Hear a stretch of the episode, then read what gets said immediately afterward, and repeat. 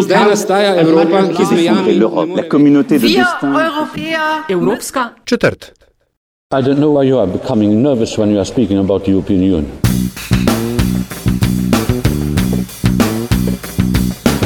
Spoštovane in cenjeni, dobrodošli v Evropske četrti podkastu o vsem, kar vas bo zanimalo o Evropski uniji, pa niste vedeli, koga vprašati. Podcast vodiva Aljaš Pengovbiten, sorednik Radia Chaos in Nataša Briški, urednica Metine liste. Evropska četrt domuje na spletni postaji metinelista.si, v vašem nabiralniku sveža epizoda vsak drugi ponedeljek. Na družbenih omrežjih je uraden ključnik Evropska četrt. Če boste privoli, da naj ocenite v Apple Podcasts oziroma iTunesih, hvala vnaprej. tema tokratne epizode: cepljenje. Evropska komisija je pred dnevi Društvu študentov medicine Slovenije podelila prvo nagrado 20 tisoč evrov za projekt, ki ozavešča o pomenu cepljenja. Imuno je delovni naslov njihovega projekta, z njim pa so začeli pred dobrima dvema letoma. Kot pišejo na spletni strani, je glavni namen ustaviti padanje stopnje precepljenosti prebivalstva v Sloveniji in zaščititi ljudi pred ponovnimi izbruhi nalezljivih bolezni, pred katerimi se lahko zaščitimo. Da izveva več, sva na pogovor povabila vodjo projekta Evo Vrščaj. Eva je študentka petega letnika medicinske fakultete Univerze v Ljubljani, velika zagovornica cepljenja in aktivistka na tem področju, od njegovega začetka pa je povezana s projektom Imuno. Ustanovljen je bil leta 2015, zaradi tega, ker smo opazili, da se veča ta stigma oziroma strah pred cepljenjem. Veliko je nekih napačnih informacij na internetu prisotnih. Prav tako smo tudi začutili neko stisko pediatrov, ki so se sami bojevali proti teh, tem strahu mladih staršev predvsem. In smo se odločili, da bomo nekaj naredili na to temo. Um, glavno idejo je dal Jurek Črepinšek, potem smo se mu pa ostali priključili in se odločili, da bomo ustanovili projekt pod okriljem društva. Ok, ampak kaj, to ste videli ta problem, ne vem, ker ste med sabo klepetali v baru, v lokalu, da ste to opazili ali je tako beseda dale besedo? V bistvu uh, res je, da smo šli najprej v bar, pa se zmenili, kako bomo ustanovili oziroma začeli s projektom.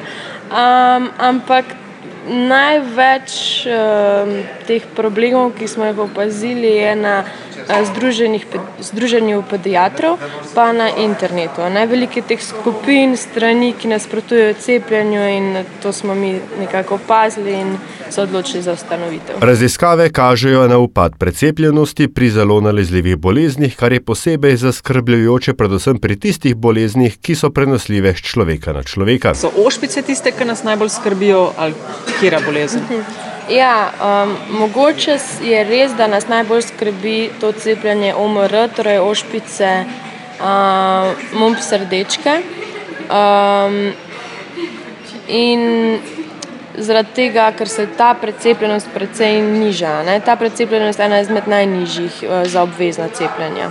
Kar rečeva najnižji, govoriva o kakšnem odsto- odstotku. Pod 90 odstotkov. V, po nekaterih podatkih pa v Ljubljanski občini celo okoli 82 odstotkov.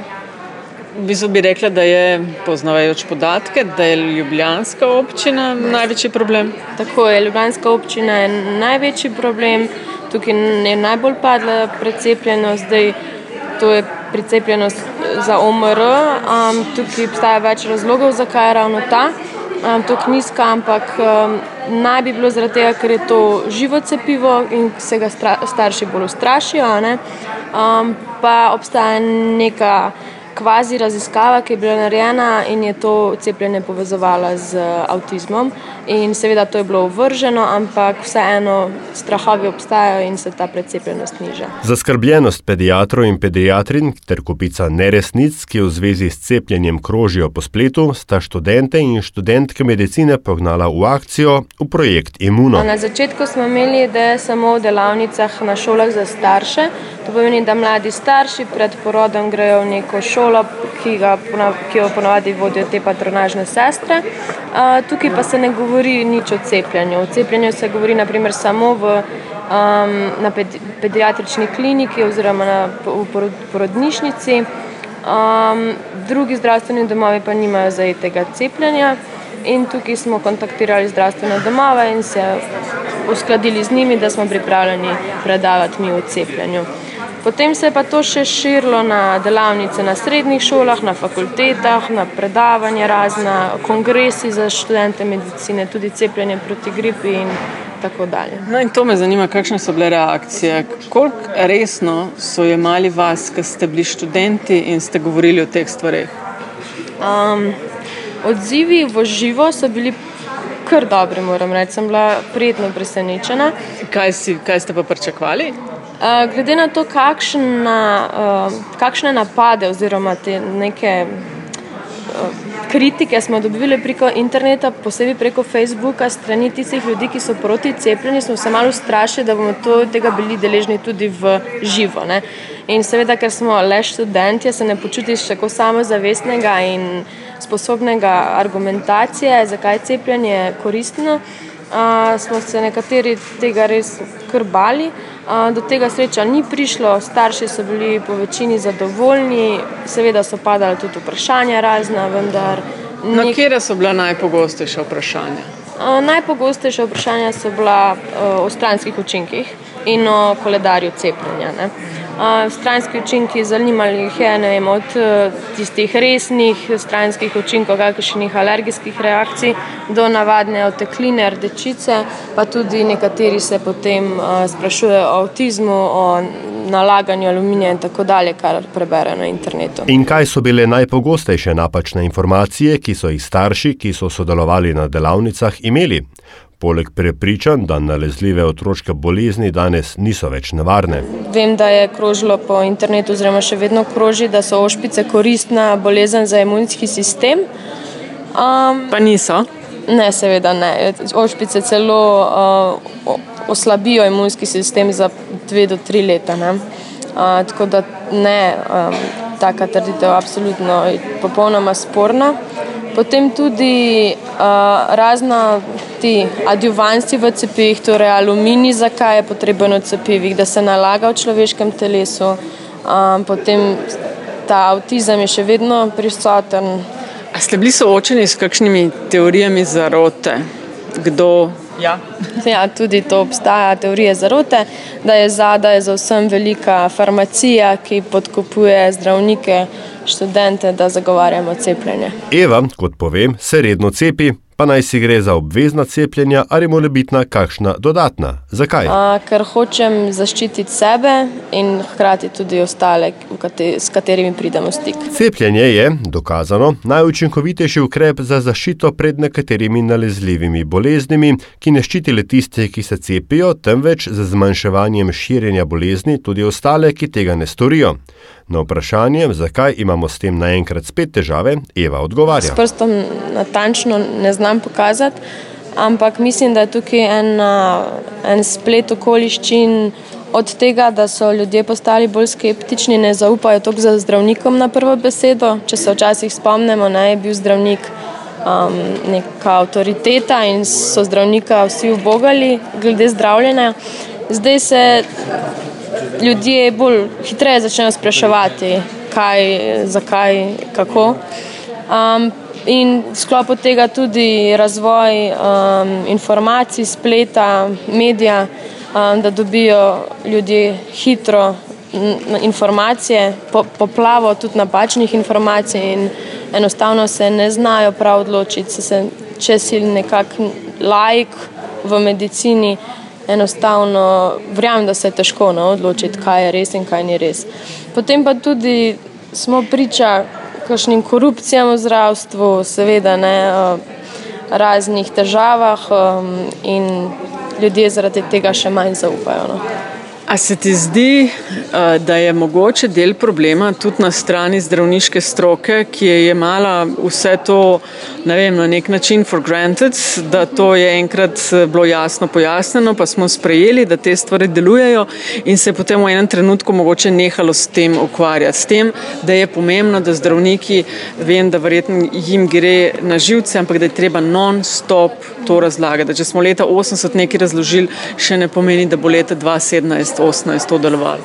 Ja, um, v bistvu mi smo nekako ležali v oblakih dobre precepljenosti, zaradi tega, ker je bila še iz Jugoslavije in še potem v samostojni Sloveniji precepljenost dosti visoka in smo nekako pozabili na to, da pa lahko precepljenost pada.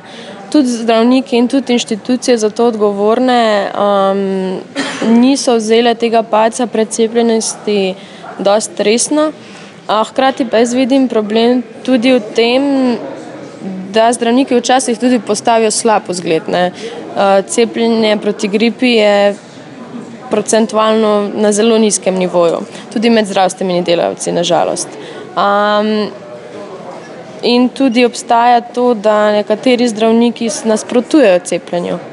Um, in to potem te informacije zaokrožijo um, po internetu zelo hitro, in lahko ljudje sklepajo, pa, da so vsi zdravniki, oziroma večina zdravnikov proti cepljenju. Jaz sem si želela dokopati do podatkov, kateri pediatri zdravniki ne podpirajo cepljenja, oziroma ne prijavljajo staršev, vendar do teh podatkov zelo težko prideš, če nisi v krogu tistih, ki so proti cepljenju. Projekt Imuno je torej najprej namenjen ozaveščanju staršev o pomenu cepljenja, a ker je projekt živ organizem in vse čas raste, dodajajo vedno nove aktivnosti. S porastom članstva v Društvu študentov in študentk medicine Slovenije trenutno jih je okoli sto, pa upajo, da bi v prihodnje projektu Imuno morda lahko dodali tudi nove aktivnosti. Razmišljali smo tudi o tem cepljenju proti gripi, da bi naredili kampanjo tudi na UKC oziroma v zdravstvenih domovih, predavanja za zdravstvene delavce. Um, sodelovali bi naprimer z Nacionalnim inštitutom za javno zdravje, vendar to verjetno prihodnje leto. Na natečaj Evropske komisije se je prijavilo 27 projektov iz 16 držav, slovenska študentska ekipa pa je bila najprej izbrana med najboljšo deseterico. Vedo, da delajo dobro, prva nagrada pa jih je vseeno nekoliko presenetila. V bistvu sama sem bila zelo presenečena, ker nisem pričakovala tega, ker vseeno smo študentje, ki so bili proti tekmovali proti nekim inštitutom, raziskovalcem in bilo je eno lepo presenečenje. Um, zdaj, dejali so, da jih je uh, pritegnila inovativnost uh, projekta, ki je zajema več spektrov, torej od delavnic do kongresa, do cepljenja proti gripi, zajemamo obvezna, neobvezna cepljenja, različne tarčne skupine. Prav tako smo dejavni v tujini v okviru International Federation of Medical Student Association. Spodbujamo tuje študente, da bi ustanovili takšne projekte. Sodelujemo z Ministrstvom za zdravje za izboljšanje zakona o nalezljivih boleznih in um, to jih je verjetno res pritegnilo. No. Um, dobili ste 20 tisoč evrov, uh, kam z denarjem? Uh, uh, iskreno ne vem. Uh, mislim, da je treba narediti en konkreten finančni plan. Uh, denar bo namenjen stabilnosti projektu, odpiranju novih aktivnosti, um, spodbujanju članov za kvalitetno delo um, pa da bomo malo prihranili za naslednje generacije projekta Imuna. Lepa hvala za pogovor in uh, veliko uspeha želim projektu še naprej. Hvala tudi vam. To je bila Eva Vršaj, vodja projekta Imuno, ki je za ozaveščanje o nevarnostih necepljenja dobil glavno nagrado. Gre za priznanje, ki jih Evropska komisija podeljuje nevladnim organizacijam, ki so pripomogle k izboljšanju precepljenosti v Evropi. To je bila Evropska četrt, predlogi mnenja, pohvale in kritike. Dobrodošli na infoafna.metinalista.si. Glasbena podlaga je delo audionautics.com, Aljaš in Nataša pa praviva hvala vam za družbo in do naslednjič.